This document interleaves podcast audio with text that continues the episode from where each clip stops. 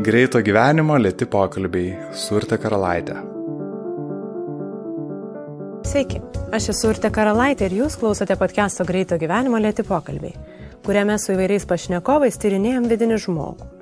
O betyrinėdami tikėtina didinam savivoką, samoningumą, kurie man glaudžiai siejasi su atidumu ir susikoncentravimu. Man atrodo, kad bet koks atidus žingsnis yra tikresnis ir tvirtesnis. Tokius mes čia ir bandome dėti. Kad podkasto žingsniai taip pat būtų tvirtesni, prisidėkite jį paremdami. Tai galite padaryti patreon.com pasvirasis brūkšnys lėti pokalbiai. Šį kartą prie podkasto draugų prisijungė Rasa Siminaitė, Arnoldas Aliubauskas, Adomas Paltanavičius, Akvilė Reklaitytė, Indrė Šveikauskaitė, Regimantas Jusas ir Evaldas Landauskas. Prie tvirtesnių žingsnių taip pat labai prisideda garso reklamos studija Drop Audio, kurie rūpinasi pokalbių garso kokybę. Ačiū visiems, nepaslaptis, kad podcastas gyvuoja tik jūsų dėka. Šiandien atidžiau žingsniuoti bandysime kartu su rašytoja, nacionalinės premijos laurete Danute Karinauskaitė, kuri man yra savotiška žmogaus tyrinėtoja. Jos kūrinių veikėjai yra paprasti, šalia mūsų gyvenantys žmonės, ar net mes patys, kuriuos autorė supina iš daugybės sutiktų žmonių pasakojimų ir nugirstų istorijų. Tokiuose atidžiuose Danutės santykiuose su žmonėmis pabandysime ir paklaidžioti. Gerą klausimą.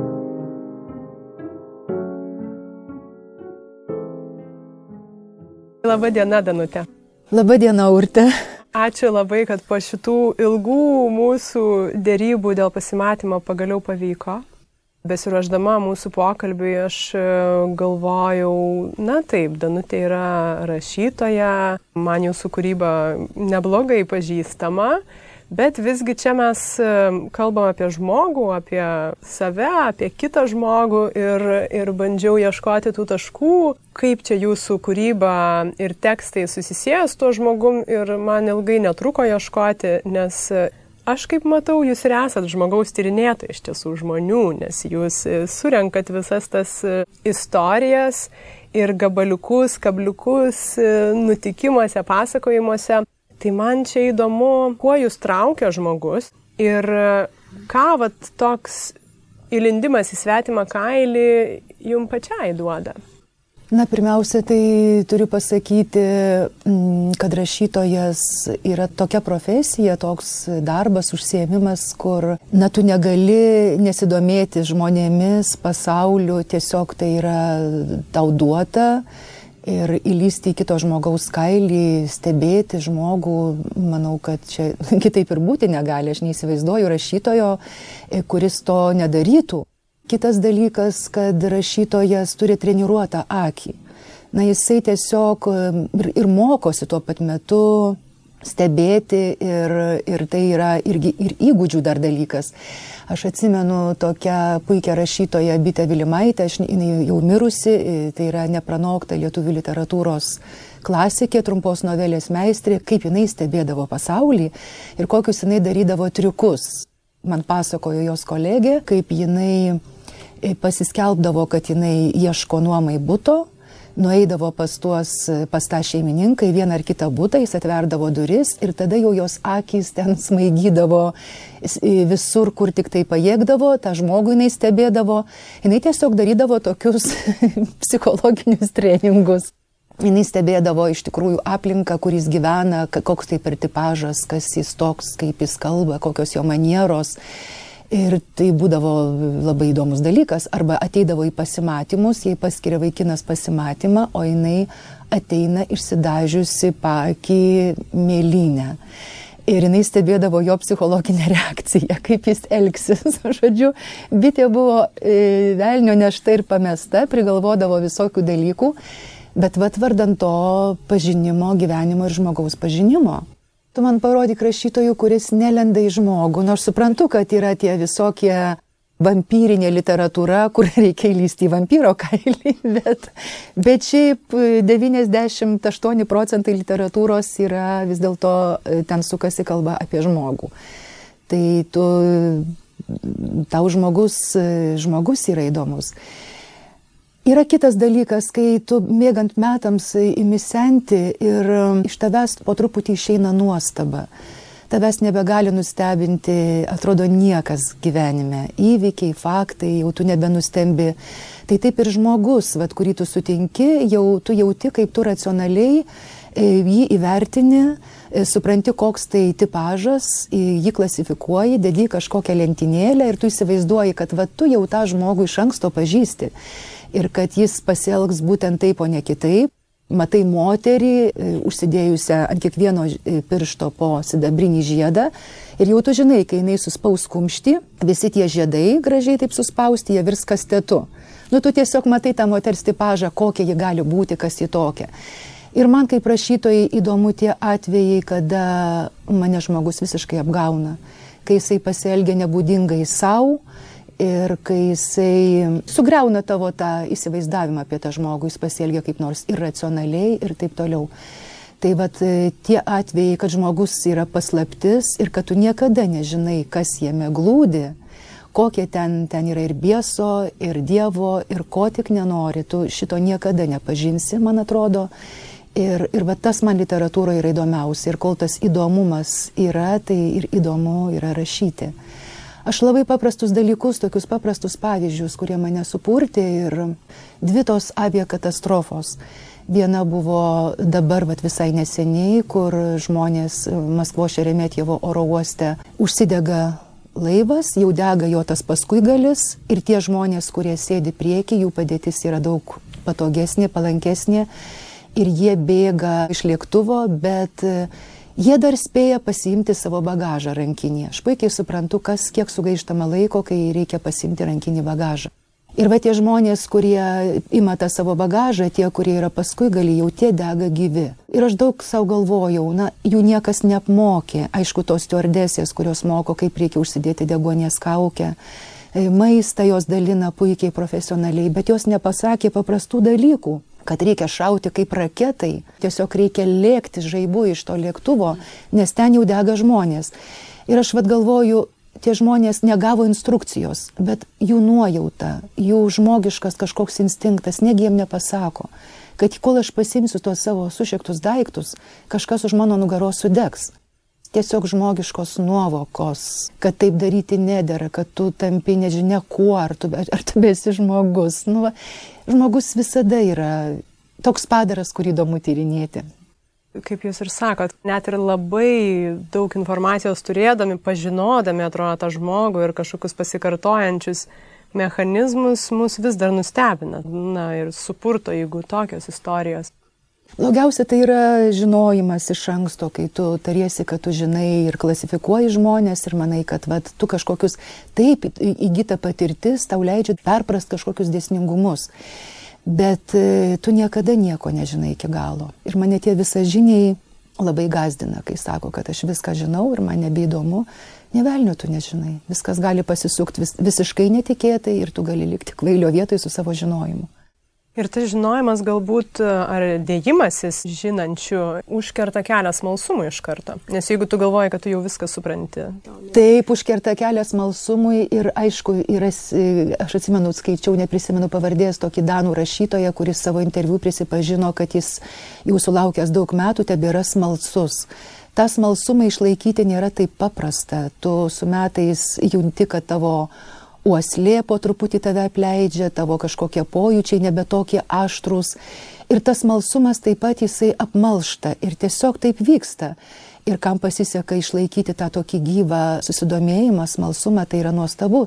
Tik tai kitas dalykas mane kartais erzina, kai sulaukia žmonės 60 metų, tebėra naivus ir infantilus, tarsi nieko nesusivokiantys šiame pasaulyje. Aš sakyčiau, tai yra tiesiog ne, nebranda vis tiek užgyveni šiokios tokios išminties, pagaliau ateina į tavo gyvenimą toks daiktas kaip racionalumas, e, tu tiesiog negali naiviai, infantiliai, vaikiškai stebėtis ir stebėtis. Yra kam tokie žmonės labai patinka, man jie tiesiog, jau kai brandžiam amžiui žmogus daug ko nesupranta ir nesuvokia, man jie tiesiog nebrandų žmonės atrodo. Aš dar noriu grįžti prie, prie žmonių ir jų istorijų, nes aš ir pati susidūrusi su jūsų gebėjimu, na, girdėti ir klausyti tų istorijų. Tai čia man yra įdomi dalis to klausimosi, kadangi aš pati va, dabar dažnai susiduriu su šituo veiksmu, kuris ne visiems yra lengvas e, ir jis reikalauja tam tikros aukos, nes tu klausaisi, tu turi būti atidus ir tu nelendi su savo, nes tas noras pasisakyti, na mes jo matom aplink daug kur visi tik ir laukia, kada aš galėsiu pasakyti, ką aš manau. Tai va įdomu, kas čia leidžia jums klausytis ir įsiklausyti, kas padeda. Na, įsiklausyti yra tas pats, kas stebėti, svarbu mokėti klausytis, o ne pačiam kalbėti. Paprastas dalykas, tu sutinki gatvėje žmogų ir jisai užkalbintas pirmiausiai pradeda kalbėti apie save. Nurte, tu esi pastebėjusi, pirmiausia kalba kaip jam. Jis iškloja visus dalykus ir kartais net pamiršta pasakyti, o kaip tau sekasi. Tai tokiais atvejais aš tiesiog apsidžiaugiu, pagalvoju, kaip gerai, kai nereikia apie save pasakot. Man kuo toliau, tuo labiau nesinori apie save pasakot, bet man įdomu, kaip sekasi kitiems. Pavyzdžiui, kaip nemėgstu e, vartyti savo senų albumų su savo senom nuotraukom ir kažkokius draskyti praeitie šašus, nes senos nuotraukos tave nubloškia į tavo praeitį, kažkokius etapus, kurie ne visada buvo lengvi, o jie buvo skausmingi. Ir man sunku, tai yra didelis emocinis krūvis. Va dabar visai neseniai save sugavau, kad nenoriu žiūrėti senų nuotraukų bet labai mėgstu žiūrėti svetimas nuotraukas. Ir parašiau savo kolegės, kad jinai man duotų namo tris savo albumus, ten nuo pat kūdikystės, nuo pat vystyklų iki pat šių dienų. Ir man tai buvo aukso kasyklos. Aš ten žiūrėjau į žmonės, į kai kuriuos atpažinau. Net ir tuos, kurių nepažįstu, yra be galo įdomu. Tai yra tas pats žiūrėti, stebėti, klausytis, čia yra tas pats. Šitą momentą suprantu, kad, na, žiūrėti vat, kitų nuotraukas kaip, kaip filmą, kaip uh, kultūrinę, antropologinę patirtį ir žiūrėti į save, kaip jūs ir minit, kažkokius nebūtinai lengvus e, momentus ir tas iš karto gražina atsiminimus, patirtis, kad tai yra sunkiau ir, ir norisi tarsi nuo to nusigręžti. Bet įdomu, kaip vat, tą santyki galbūt su praeitim, na, aš net galvojant apie kažkokius uh, konkrečius asmenius, kurie tikrai trauminės patirtis uh, didžiulės turėjo praeitie, kaip visgi susidraugauti su ta, nes neišeina galbūt tik tai numoti ranką, uždaryti viską, kas nemalonu buvo, įspinta, užrakinti, niekada, niekada nežiūrėt. Na, kada tave ištinka trauminės patirtis, tu jas išgyveni tiesiogiai, jos nusėda tavyje kaip kokie sunkieji metalai, kaip kokios nuosėdos, aš nežinau. Bet praeina laikas, kai tu stengiasi nuo to išgyti. Ir aš vat stebiu, kaip veikia atmintis. Jis veikia labai selektyviai, jinai tiesiog atmintis tave apsaugo nuo Tu negali visą laiką gyventi kažkokiam traumom, tu negali visą laiką nagais draskyti iki kraujo sienas ir kankintis. Ateina laikas, kai tu turi nuo to pasveikti. Ir tada tos tavo patirtys jos kažkur nusėda. Čia kaip svagūno lūkštai, bet tu atsidalina kažkoks svagūno lūkštas su tam tikra patirtim ir, ir, ir, ir laukia ten kitas lūkštas su kita patirtim. Ir tada tu atsitolini nuo tų dalykų ir, ir, ir žvelgi jas iš šalies. Aš labai išgyvenau daug dalykų, iš to pasidarė mano ta antroji knyga. Bet e, dabar, pavyzdžiui, jau grįžti prie tų pačių dalykų, prie tėvų praradimo, prie namų pardavimo, nuo, nuo daugelio kitų visokių praradimų aš tiesiog nebenoriu, aš jau noriu žiūrėti į priekį. Ir, ir, ir tu tiesiog stengiasi jau nuo, tų, nuo kai kurių patirčių atsiriboti ir nutolti. Taip veikia atmintis, jinai tiesiog stengiasi ištrinti tai, kas tau buvo labai sunku ir, ir ko tu nebenori prisiminti. Tu žinai, kad tai yra tavyje, giliai, giliai ten toli užrakinta, bet, bet, bet gyvenimas yra čia ir dabar. Būtent tą antrąją knygą niekada nežinai. Vienam interviu jūs minit, kad kartais net net pažįsta to žmogaus, kuris parašė tą knygą iš savo prizmės dabar žiūrint. Tai čia gal truputį plačiau norisi pažiūrėti ne tiek į pačius įvykius, bet į jūs pačią, kas asmeniniai raidoj kito galbūt ir ką paleidot, išgyvendinot nebeturiu tokio geismo, kaip, kaip ir turėjimas daiktų. Pavyzdžiui, anksčiau kažko labai norėjau, to ar ano ar trečio tokį geismą turėjau. Daiktų, dar kažko gyvenime, kelionių. e, daugybės dalykų, dabar jaučiu, kad aš daug, be daug ko galiu apsėti kai ateina kokie mano gimtadieniai, prašau, tik neneškit man jokių, nieko neneškit, nieko, nieko nenoriu, visko turiu, visko pakanka. Ir net kai pavyksta ką nors išmesti iš namų, drabužių, daiktų, tai jaučiu, kaip lengviau sucirkuliuoja oras ir kaip aš pati lengviau atsikvepiu. Nebenoriu nieko, prie ko reiktų prisirišti, dėl ko reiktų kraustytis iš proto, geisti kažko, vad ko aš dabar noriu. Šito nebeliko, tai iš tiesiog, vad ta prasme labai pasikeičiau. Dar vienas dalykas - tolerancijos ribos prasiplečia. Kai esi jaunas, tu labai mėgsti reikiuoti dalykus į teisingus ir neteisingus, į baltus ir juodus. O kai tu subręsti ir jau taip eini, eini į senatvės pusę, tai tada tu jauti, kad gali daug atleisti, į daug ką žiūri paprasčiau, tolerantiškiau ir nebėra, nebėra noro teisti žmonių. Tai šita, šią prasme aš esu tikrai pasikeitusi ir man labai patiko, kaip sakė Nora Ikstena, kuri buvo atvažiavusi į Lietuvą ir mes su ją kalbėjomės. Ir ji man papasakojo tokį mm, smagų dalyką, cituodama Imantą Ziedonį, kuris Latvijų literatūroje yra ten beveik dievas, kaip jisai sako, matau, kad priešais ateina eilėraštis ir paleidžiu. Ir Nora sako, žinai, aš matau, kaip ateina prieš mane siužetas ir aš jį lengva ranka paleidžiu. Tai man irgi vat, nebėra to, kad aš nagais ir ragais įsitversiu dabar ir nepaleisiu, aš irgi jau lengvai paleidžiu. Būdavo taip, kad naktį pašokdavau, pašokdavau iš lovos, staiga šaudavo į galvą mintis, va rašai kokį tekstą ir kažkoks sprendinys ateina. Na kažkokia idėja, mintis, paskui tikrai dieną būna sunku prisiminti, bet aš anksčiau šokdavau ir bėgdavau užsirašyti, o dabar jau galvoju, apsiverčiu ant kito šono, galvoju, ryte ateis kita mintis ir kit, kit, kitas sprendinys. Na tiesiog žiūri daug ką paprasčiau ir va, ta prasme tai pasikeičiau, nežinau ar čia į gerą ar į blogą. Natūrali kaita. Čia įdomu, paminėjot tą mintį, kurią, ar siužetą, kurią paleidžiat. Ar čia kinta santykis su ambicija, kaip autorės ar asmeninė? Nes gal labai vertingas tas siužetas ir taip lengvai. Bet aš žinau, kad ateis kitas siužetas. Aš nežinau, ar čia su ambicija. Taip, jauni žmonės labai jauni, jie tikrai ambicingi ir jie, ir jie nori pasiekti labai daug ir iš karto. Su patirtim tu supranti, kad, na, niekur mano siužetai, jeigu jie man skirti, niekur jie nuo manęs toli nenubėgs.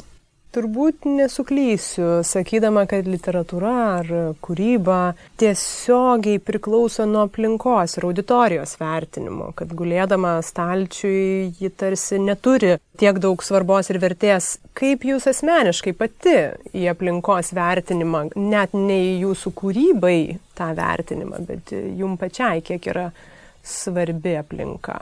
Na, sakysim, jeigu kalbant apie vertinimą, tai rašytojai maivosi sakydami, kad jiems visai nesvarbu, ką apie juos galvoja. Aš tikrai tuo nuoširdžiai netikiu. Aišku, labai gerai būtų savo taip nusistatyti ir visai nekreipti dėmesio, bet taip nėra. Rašytojai karšlygiškai skaito recenzijas, skaito atsiliepimus Facebookuose gaudo laikus, nors sako, kad jiems tai visai nerūpi. Gaudo tos laikus. Aš atsimenu anksčiau, kai dar nebuvo nei Facebookų, nei socialinių tinklų, nei nieko, būdavo tokia šeštadienio literatūros ir meno mozaika, kur būdavo apžvelgiami per tą mėnesį parašyti kūriniai, jie kažkaip įvertinami ir tas mozaikas rašydavo įvairių žmonės, rašydavo, pavyzdžiui, Aidas Marčienas, atsimenu vieną iš paskutinių skaitytų kaip ten rašytojai karšlygiškai ieškodavo apie save tų kelių eilučių, kaip įvardinti jų e, tekstai, kaip jie, ar jau parašyta, kad jis nusirašė, ar jis dar daug žadantis ir iš viskas, su tu, kas su tavim vyksta, žodžiu, tie visi vertinimai ir pastebėjimai būdavo labai įdomus ir svarbus. Atsirado tokia terpė Facebooko socialinių tinklų aplinka, kur rašytojai mėgsta skelbti savo kūrinius arba visą kūrinį arba jo ištrauką ir laukti reakcijų. Tai vad man atrodo, kad šita terpė yra labai apgaulinga. Tu visada turi, kai kurie rašytojai turi pusketvirto tūkstančio draugų, e, kurie nuo literatūros yra labai toli ir to tavo teksto gal net neperskaitė, Bet jie jau tau deda laiką ir tau kuria iliuziją, kad tu čia galbūt su tuo tekstu ir, ir labai pataikiai, ir jis labai geras. Tai yra absoliučiai apgaulinga aplinka. Labai reti atvejai būna, kada įvertinimas būna toks adekvatus, kai rašo žmogus turintis nuojautą, kažką suvokiantis literatūroje Ir galbūt jo tavo nuomonė ten e, yra tau, tau gali būti vertinga. Šiaip yra daugybė tuščių, tuščio tokio seilėjimosi, gyrimo ir glostimo. Ir tai nieko bendro su tiesa neturi. Labai dažnai. Na vėlgi, čia turbūt ir skirtingos auditorijos. Be abejo, be abejo. Ir, ir profesionalūs kritikai. Taip. Dar, to aš dabar pati pasimečiau apie savikritiką.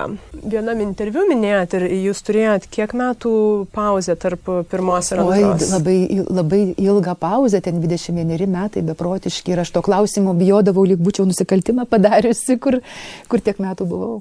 Jūs minit, kad uh, net ir tuo laikotarpiu jūs buvot parašiusi kažkokių tai tekstų, kur nusprendėt, kad jie, na, viešinimui, publikavimui nėra galbūt pakankamai geri. Čia vat, man įdomus tas savikritikos momentas ir ar jums pažįstamas perfekcionizmas ir kaip vat, atskirti tą sveiką savikritiką nuo jau tokio kraštutinumo, kur galbūt tada nei vienas jūsų tekstas gyvenime nėra vertas. Jo, čia labai kietai sukibę šitie dalykai - savikritika ir precizika. Man atrodo, kad mes gyvenam tokiu labai greituoju laiku. Greitas laikas naikina preciziką, jisai naikina konkretiką, jisai viską labai paprastina. O aš esu iš tų rašančių žmonių, kuris mėgsta įsigilinti ir mėgsta konkrečius dalykus, e, mėgsta smulkius dalykus, niuansus, kuriems reikia laiko. Aš dabar žiūriu, kaip, kaip rašytojai, kurie leidžia knygas kasmet arba kas dviejus metus, nu jie tiesiog nepaiso šitų dalykų. Jie pagaliau gal ir principai rašymo yra visai kitokie. Rašo žmogus puikia populiariai literatūrą ir viskas, viskas su juo yra gerai. Nu, aš esu kitas tipažas, man reikia knygai parašyti ne dviejų metų, ne metų, o šešerių. Tokie mano tarpsniai. Ir aš turiu įsigilinti į daugelį dalykų, turiu labai daug ką patikrinti, turiu, turiu būti preciziška. Aš jau esu pasakojus apie vieną savo tokį skaitytoją labai akylą ir ausylą, gal ir teko tą urtę girdėti, pas kurį perku kumpį mėsą ir kuris manęs paklausė vieną kartą, sako, va jūsų noveliai ten yra prašyta, kaip Napoleono armijos kareiviai bėgo jau nepasiekę Maskvos, kaip jie bėgo per Lietuvą atgal buvo labai sušalę, išbadėję ir kaip jie Vilniaus universitete valgė iš bado formaldehidę tuos išmirkytus e, anatominius pavyzdžius. Juk sako, jie po to turėjo numirti. Ir aš galvojau, Dieve mano, Niekas nežino, ar jie po to numirė tikriausiai, nes jau jie buvo išbadėję ir kai užvalgė ten tos tručiaiznos, tai aš manau, kad jie, jie nebeišgyveno. Bet žmogus, kuris šmėsteli kažkokią vieną eilutę tekste, bet jis įsidėmėjo, jis ją įsiminė ir jis rado reikalą mane sverdamas tą mėsą paklausti, ką aš apie tai galvoju. Ir aš pagalvojau, kad va, yra akilas, ausylas skaitytojas Kita skaitytoja manęs paklausė, jūs rašote, kad kvepėjo mama zrazais, zrazų tešla, bet zrazai tai yra mėsos kukuliai. o aš buvau, o aš įsivaizdavau, kad tai yra kažkokie tešlos miltinio patiekalo. Tie zrazai aš visai įsivaizdavau kaip ką kitą. Ir aš dabar rašau tokį ilgą tekstą, kur daug istorinių įvykių ir daug veikėjų ir aš matematiškai skaičiuoju, dėlioju pliusiukus, minusiukus, metus, kad, kad manęs niekas nepagautų, kad aš prašoviau laikę. Jeigu, sakysim, koks nors e, žandaras iš sakyklos per žiūroną stebi, kas bažnyčioje skaito iš lietuviškų maldaknygių, tu supranti, kad tai yra spaudos draudimo laikas, tai tu žinai, kad tuo laiku negalėjo būti to, ano ir trečio. Tu negali susimauti epochoje ir reiškiniuose ir faktuose. Yra, kada rašytojai specialiai maišo tuos epochas ir iš to išgauna įdomų efektą, bet tu labai matai, kai rašytojas tiesiog patingėjo arba neturėjo laiko pasigilinti ir aš tai laikau, kad jo, tai yra jo darbo brokas. Arba sakysim, dabar studijuoju ausies sandarą koks sudėtingas mechanizmas yra ausis, kas yra plaktukas, priekalas, raigė, kaip kas yra nervas, kaip tas garsas ten nucirkuliuoja, kokiais kanalais įvyjom tos raigės ir taip toliau. Tai yra pasaulis, ta, ta, ta ausis. Bet man reikės dviejų eilučių tekstų iš šito. Bet tai yra, bet čia ir yra precizika. Ašgi negaliu apie ausį prirašyti nesąmonių. Prirašyti apie ausį taip kaip apie nosį. Nu, jinai yra kitas organas. Ir taip, taip daugybė dalykų. Tai yra konkretūs dalykai. Greitas laikas jisai tą konkretiką jisai naikina. Bet aš teisingai suprantu, kad, na, nors jūs ir norite, kad ir jūsų minėtas skaitytojas Akylas e, tų kliurkų, brokų nerastų, bet visgi jūs tą darote dėl savo švarios sąžinės, ar ne? Ne, ne dėl to, kad, kad dėl nerastų. Savo, dėl savo svarios sąžinės. Aš tiesiog turiu su tuo tekstu padaryti tai, ką aš galiu padaryti geriausio. Tai yra, jis turi būti, viskas ten turi būti mano patikrinta jis turi skambėti, jo kalba turi būti tokia, kad nekeltų man erzelio skaitant, kada nors po kokių kelių mėnesių ar po metų. Aš nenoriu savo tuo tekstu piktintis ir ta prasme aš stengiuosi, kad jis būtų nu kuo geresnis. Jeigu aš labai skubėsiu, aš žinau, ką reikia iš mano tekstų išmesti, ką reiktų nudrenuoti, daugybę ten visokių detalių, kad jisai greičiau išvystų dienos šviesą ir kad būtų su juo daug paprasčiau. Ir aš irgi prisitaikau prie laiko, negaliu sakyti, kad esu tokia užkerpėjus, tokia dundukė, kuri nesupranta, kaip, kur link viskas eina. Bet, bet aš tengiuosi padaryti kuo geriau. O atlaidumas šiuo klausimu. Jūs lik minit ir, ir apie tą antrąją knygą kalbėdama, nežinau, ar ir pats tekstas jums nebėra tiek artimas. Kaip jūs žiūrite į vat, kažkokią savo, nežinau, ar klaidą, ar gal nebe tiek tenkinantį rezultatą praeities? labai nemėgstu skaityti savo senų tekstų. Ir jeigu aš prie jų grįžtu, tai tik todėl, kad kartais tenka ką nors paskaityti, kokią ištrauką ar ką nors, arba tiesiog, kad pasižiūrėčiau, ar tos detalės aš jau nepanaudojau praeitį, nes kartais tos detalės kaip koks vanas, bet jos tau zvanijausi ir galvoju, ar jau jinai nebuvo ir aš tada priversta, maždaug prisimenu, koks tai buvo tekstas ir tada priversta skaityti. Ir kai skaitau, tai kai kurios vietos pagalvoju, va čia, nu, va čia va visai gal nieko, o va šita vieta mane nervina po šiai dienai. Nu taip yra. Niekad nesi, pat... karvės būna labai patenkintos, rupšnoja žolę, žiūri į tolį, šlapiom akim ir būna visko patenkintos. O žmonės dažnai ne, o ypač rašytojai turi būti nepatenkinti. Čia Danutė suskamba telefonas ir šiek tiek e, atitrūkę nuo pokalbio, vėl grįžę į jį, pradėjom kalbėti apie anksčiau paliestą pastabumą ir dėmesį detaliai. Ir šita dalis man labai įdomi, dėl to nenorėjau jos kirpti ir kažkaip įvedu taip. Man atrodo, kad detalė yra mane pasirinkusi, o ne aš ją. Tiesiog matyti tokia mano yra optika. Taip yra ištreniruota akis, kad aš pamatau tokius mažus dalykus. Aš pastebėjau, kad vaikai yra be galo pastabus. Ta prasme, tai vaikų net bijau. Aš atsimenu, buvau svečiuose ir vienas vaikas visą laiką labai akilai mane stebėjo, kaip aš valgau, ką aš kalbu. Ir paskui mamai jausi sako, bet taip, kad aš girdžiu mamą, bet jos vienas antakis aukščiau. Vaikai viską pastebi, tai rašytojas irgi tu vat matai, kad žmogus skaito paskaitą ir jo batų raišteliai yra skirtingi - rudas ir juodas. Ir tu žinai, kad e, tai yra toks tipažas, kuris e, tikriausiai tuos raištelius susivėrė skirtingus ne todėl, kad jisai koks nors nobas arba koks nors brandas naujas, bet jis tiesiog labai užmaršus žmogus ir jam tai visai nesvarbu pagaliau kokios spalvos tie raišteliai. Ir tai labai krinta į akis, bet jam visai dzin.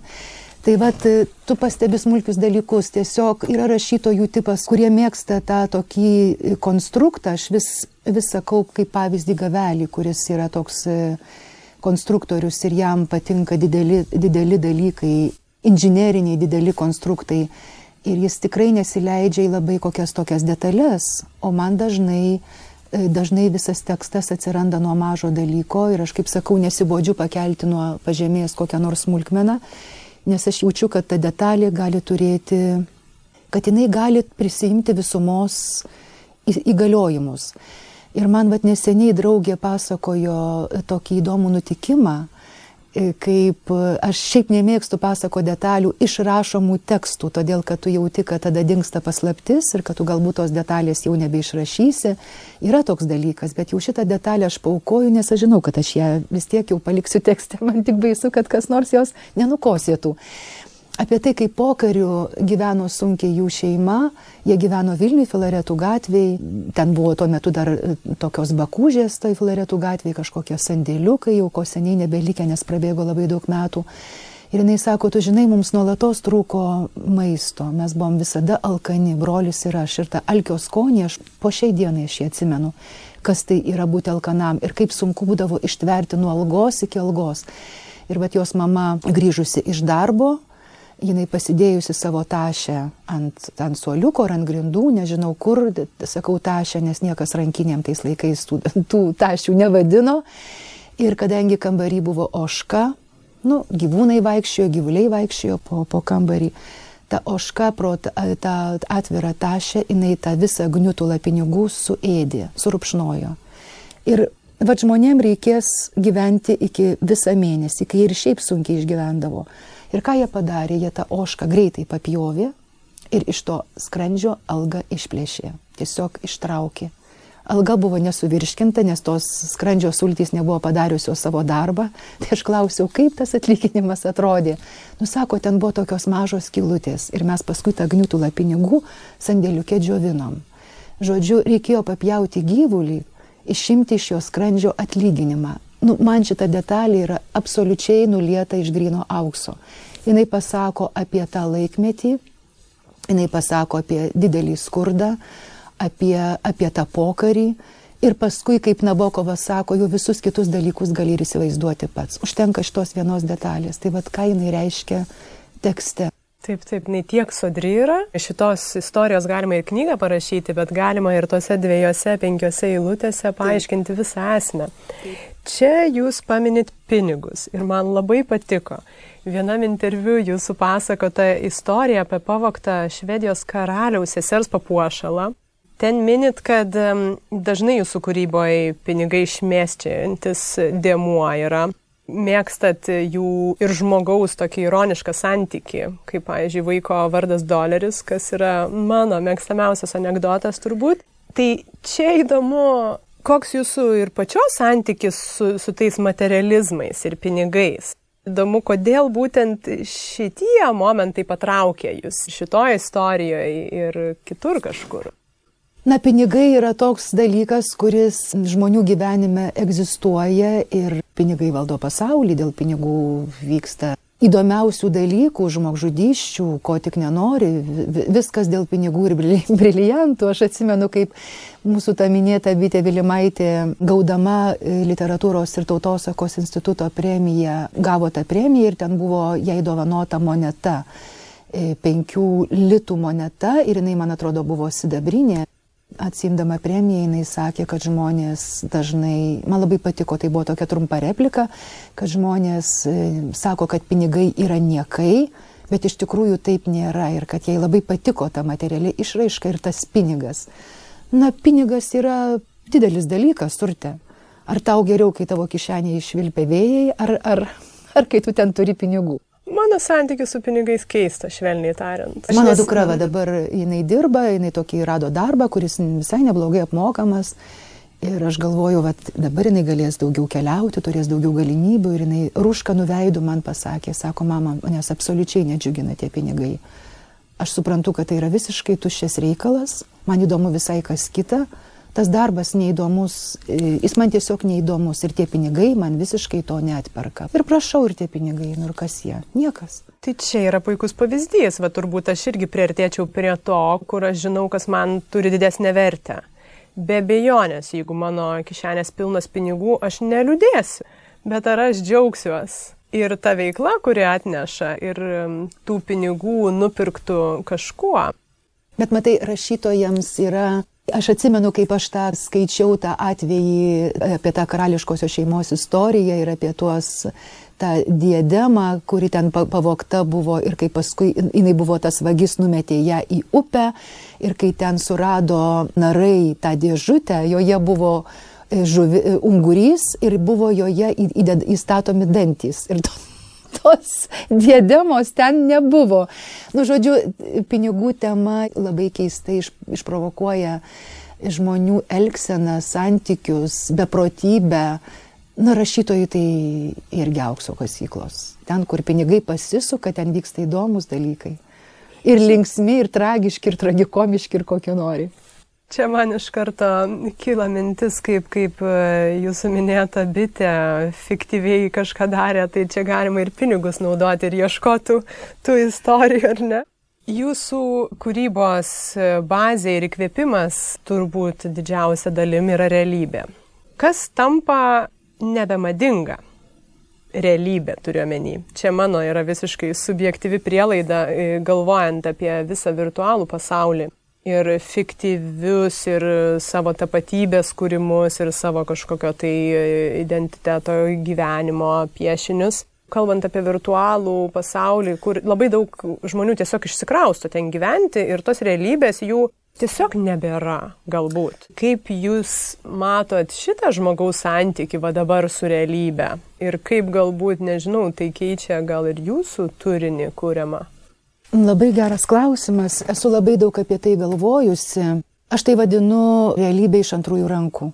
Auga ištisa karta e, žmonių, dabar jie vaikai, paaugliai, kurie pasaulį tik taip ir pažįsta jie, jie prisijungia prie pasaulio per virtualų į pasaulį. Aš tai tame matau labai daug blogo dalyko. Nenoriu būti čia kokia nors juodas varnas ir karksitoje ir apokaliptikė, bet Na, yra labai liūdna, kai žmonės nebedraugauja, pavyzdžiui, vieni su kitais kūnais, jie nebesusitinka. Arba tėvai sėdi įkišę nosis į savuosius prietaisus ir su vaikais neturi laiko pabūti.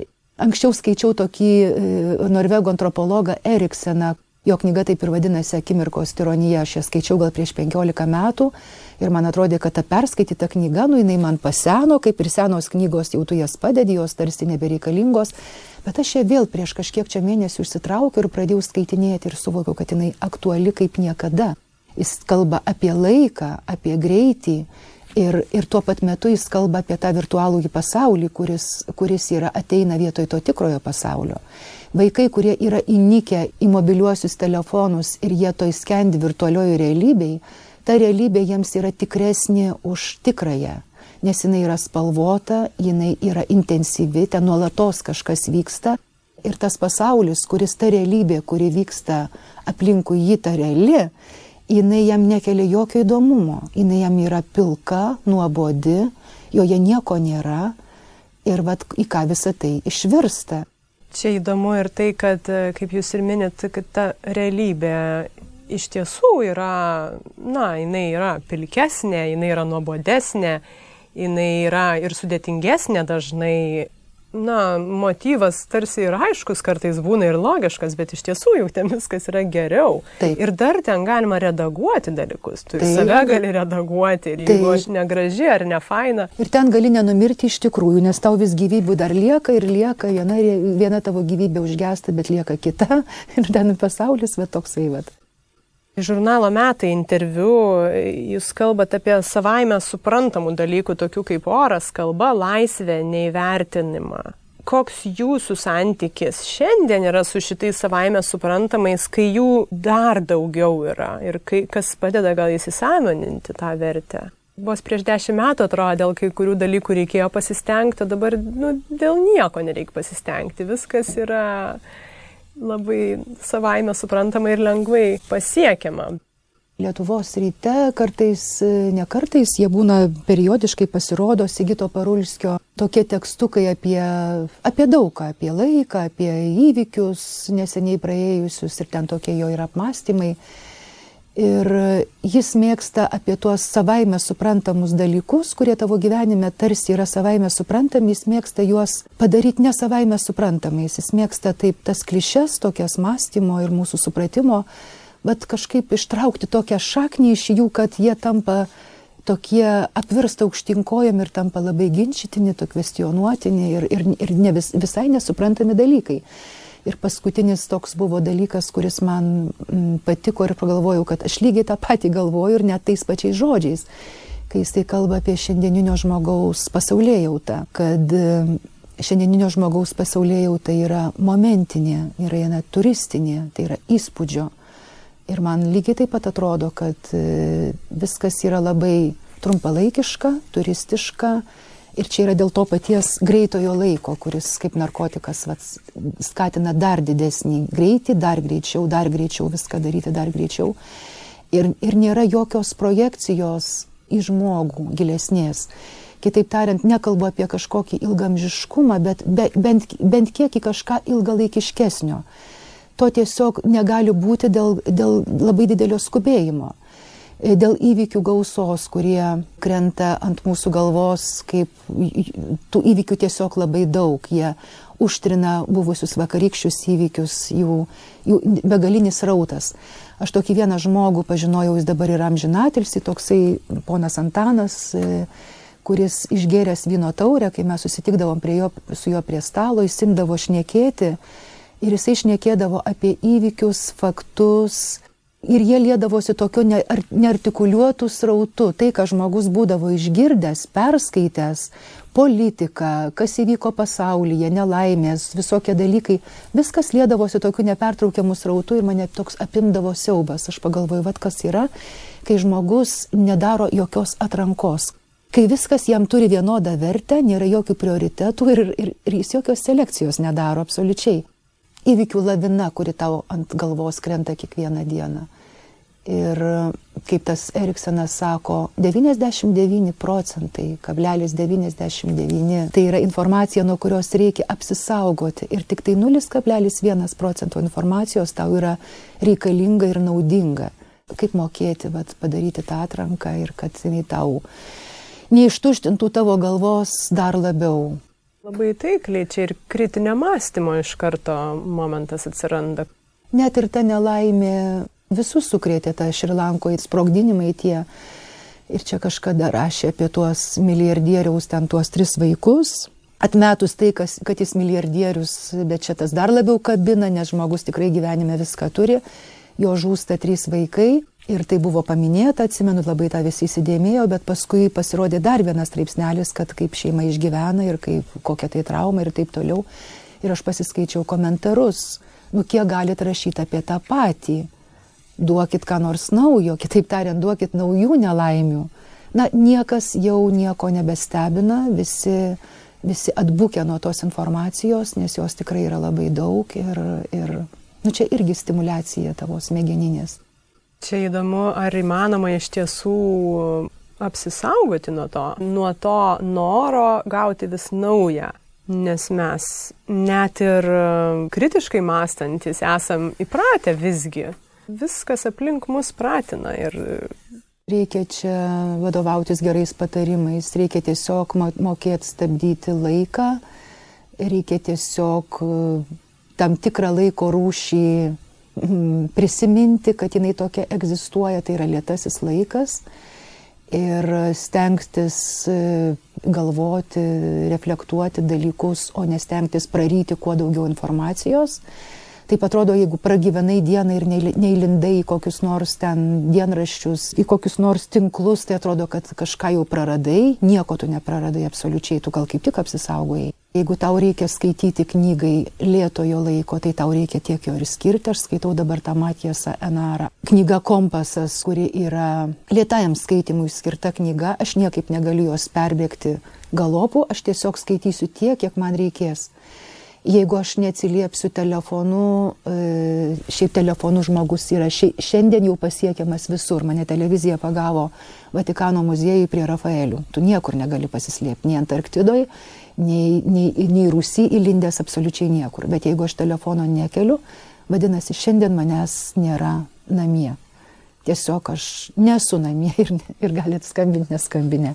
Ir daugybė tokių dalykų, tiesiog knygas rašyti. Jeigu aš matau, kad man reikia knygo, knygos parašyti šešerius metus, tai aš eisiu su šakutė prieš traukinį ir aš ją rašysiu šešerius metus, o ne dviejus, taip kaip diktuotų aplinka ir laikas ir spaudimas.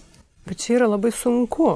Sunku. Kaip jūs atsiribojat, kaip jūs e, apsistatot tvorom ir sienom ir nuo tolimesnės aplinkos ir nuo tų srautų, nuo spaudimo to paties, ką sako? Mano yra tiesiog toks sukirpimas. Jeigu aš darysiu taip, kaip man spaudžia mane aplinka, ir šiaip tenka daryti daug dalykų, kurių tu nenori ir tu esi priverstas daryti. Daugybė dalykų tavo profesijoje, tavo darbe, įsipareigojimuose, kiekvieną dieną tenka daryti to, ko tu nenori. Jeigu aš kitaip negaliu, nu, jeigu aš darysiu taip, kaip man neskirta, tai aš tiesiog būsiu ne aš. Aš nesutapsiu su, su savimi, o nesutapti su savimi yra labai blogas dalykas. Tai yra tas pats, kaip senstančiai moteriai bandyti žūd būt per jėgą likti jaunai. Kitaip tariant, tai nesusitaiko su bėgančiu laiku ir kad jinai yra tam laikė, kuriame jinai turi dabar būti pagal savo metus ir stengiasi padaryti iš savęs nežinau ką, kad tik būtų kaip 30 metė. Tai čia lygiai tas pats. Nu ką tu apgausi? Aš tiesiog turiu būti savimi, aš turiu daryti taip, kad aš gerai jausčiausi savyje.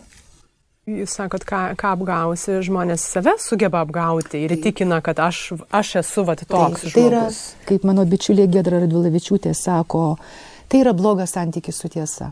Va čia įdomu, nes jūs paminėjot ir tą save, na, tikrąjį aš, kada jūs jį apčiopėt galbūt, ar, ar, ar jis taip visą gyvenimą ir labai aiškus stuburas toks jūsų ir ėjo kartu? nemelavimas savo ir žinojimas, kas aš esu ir kaip aš noriu dirbti šiuo atveju, bendrauti su pasauliu, neišsimušti šviežių. Tai jūs turite žinoti, vat tą bazę, kas jūs esate. Ir, tai, Bet matai, Urte, čia tas dalykas ateina su metais, jisai ateina. Jaunystėje tai tu tikrai labai blaškais ir labai daug ko nežinai. Ir kur tas savo, tavo aš, ir kas tu toks, ir, ir, ir daug ko tu nežinai. Bet dabar jau, kai aš esu savo komfortabiliuose metuose, jau tu žinai, ko tu nori iš gyvenimo, o ko tu labai nenori ir to, ko tu labai nenori, jau stengiasi ir nebedaryti ir nuo to atsiriboti. Kitaip tariant, aš jaučiuosi užtikrinčiau dabar, negu, negu aš buvau jauna, kada mane blaškė abejonės ir aš buvau, gal senstu, nežinau. Tai gal čia priešingai, čia kaip jūs minite ta išmintis ir branda ir tuo metu to blaškimosi buvo daugiau. O kaip, nežinau, palyginti, bet tuos laikotarpius, kaip buvo abejonių ir blaškimosi ir dabar jau jūs tarsi aiškiau save jaučiat ir kas jūs tokia ir kur jūs einat. Kuo jūs labiau mėgavotės, kuris jums patogesnis laikotarpis yra? Dieve, kai tu esi jaunas, tai tu esi stiprus, galingas, tu turi puikią fizinę sveikatą, tu žinai, kas yra po sunkios darbo dienos, pavyzdžiui, kristi į lovą ir užmygti ir tavęs nekankina nemigos, tau nereikia gerti migdomųjų, tu tiesiog esi, tu esi pilnas surte, vad džiaugis gyvenimu, kokia tu dabar esi, nors gal tu nežinai. pavyzdys esu šiuo atveju. Nors gal tu nežinai, kas tu esi, bet vis tiek tai yra labai geras laikas. Aš atsimenu save jauną. Galim čia įti, nežinau, iki, iki vaikystės, paauglystės, aš atsimenu nuobodžias sekmadienio popietės. Nebūdavo ką veikti ir tas laikas toks ištysdavo jis ištysdavo, atrodo, vat, nu, ką tu, tu tiesiog vat, kojos nikščių, bas, basos kojos braižai smėlį kažkokias figūras iš nuobodulio ir tau nėra kur dėtis. Aš dabar tą laiką atsimenu kaip medų, nes aš jaudavau tą natūralią laiko tiekmę ir kokia aš buvau tada laiminga. O dabar tu esi jau tavo kūnas yra kitas, tu norėtum būti stipresnė tam kūne, negu tu esi iš tiesų tu norėtum būti žvalesnė ir jaunesnė, bet yra taip, kaip yra ir tu turi džiaugtis su tuo, ką tu dabar turi, nes visada gali būti tik blogiau. Jeigu čia burnosiu, kad man kas nors čia nekomfortabilu, tai praeis dar dešimt metų ir aš prisiminsiu save dabar kaip jaunuolė, kuri viską turėjo ir dar bambėjo ant likimo ir buvo kažko nepatenkinta. Aš tiesiog žinau, kaip greitai bėga laikas ir jisai su metais jis bėga vis greityn. Man vis brolis sakydavo apie tą padangą, vat, rato padangą, kai sako, tu e, rideni nuo kalno ir tu pažiūrėk, kaip jinai bėgdama greitėja, greitėja ir įgauna pagreitį. Tai va tas laikas, e, mes kalbėjom ir šiaip apie laiką, kuris dėl tų informacinių visų technologijų greitėja ir artėja prie nulinio, kada kiekviena akimirka turi būti pakrauta kuo daugiau visko tos informacijos. Tai tas dalykas, bet ir šiaip su metais laikas tiesiog greitėjai įgauna pagreitį ir, ir tiesiog tu skaičiuoji, bet kiek tau metų dabar yra, kiek tau metų liko, kiek, tau, kiek tu gali džiaugtis dar šituo pasauliu. Ir viskas yra taip trapu ir laikina, nu aš tiesiog turiu būti laiminga tuo, kas, kas yra dabar su manimi kad aš atėjau į šitą interviu savo kojom, kad man dar nereikia vaikštynės, kad aš turiu e, akis, matau, minus 4 dioptrijos fantastika, netgi sumažėjo, buvo minus 5 kad aš turiu ausis, vad studijuoju dabar apie ausį ir pagalvoju, Dieve mano, dar tam tom sraigėm visom ir plaktukai ir priekalai dar ausyje mano darbuojasi, aš girdžiu, ką tu man kalbi. Nu daugybė dalykų, tiesiog mažmožiai, kiekviena diena kalbu jau banalybės ir kaip tai kokia infantilė, kuri sulaukusi tiek metų vis dar nebrandi. Bet iš tikrųjų, ko aš galiu burnoti? Aišku, kad požiūrio klausimas.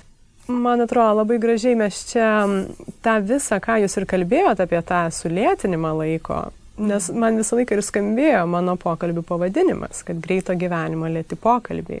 Ba. Tai mes čia tą ir iliustravom puikiai. Na, to lietumo mes galėtume gal dar porą valandų čia pasikalbėti, bet e, kaip pirmai praktikai valandos šį kartą pakaks, tai ačiū, kad kartu mes truputį sulėtinam tą laiką. Ir e, tai linkiu ir toliau jo kažkaip nepasiduoti tam spaudimui ir Ačiū tau, Urte, kad tu tokia šaunuolė ir kad e, man su tavim buvo įdomu kalbėtis. Šiaip tai po tos nacionalinės premijos labai tų interviu buvo daug ir aš jau buvau davus žodį, kol neišleidau naujos knygos, jau niekam nieko neveduot, jau gana, nes tikrai labai daug iškalbėjau visko, bet va, jau čia mano sena skola. Ačiū, kad klausėtės. Net jei ne visi esam rašytojai, šitas pokalbis kažkaip paskatina nesustoti, smalsauti ir tyrinėti. Nepraleiskit naujų epizodų sekdami podcastą Instagram ir Facebook paskiruose arba prenumeruodami. Beje, jei jums įdomu tai, ką girdite, parašykit atsiliepimą Facebook ar iTunes platformose, papasakokit apie podcastą draugams, priminsiu, kad prisidėti galite patreon.com pasvirasis brūkšnys lėti pokalbiai. Su jumis buvau aš, Urte Karalaitė. Iki kitų kartų.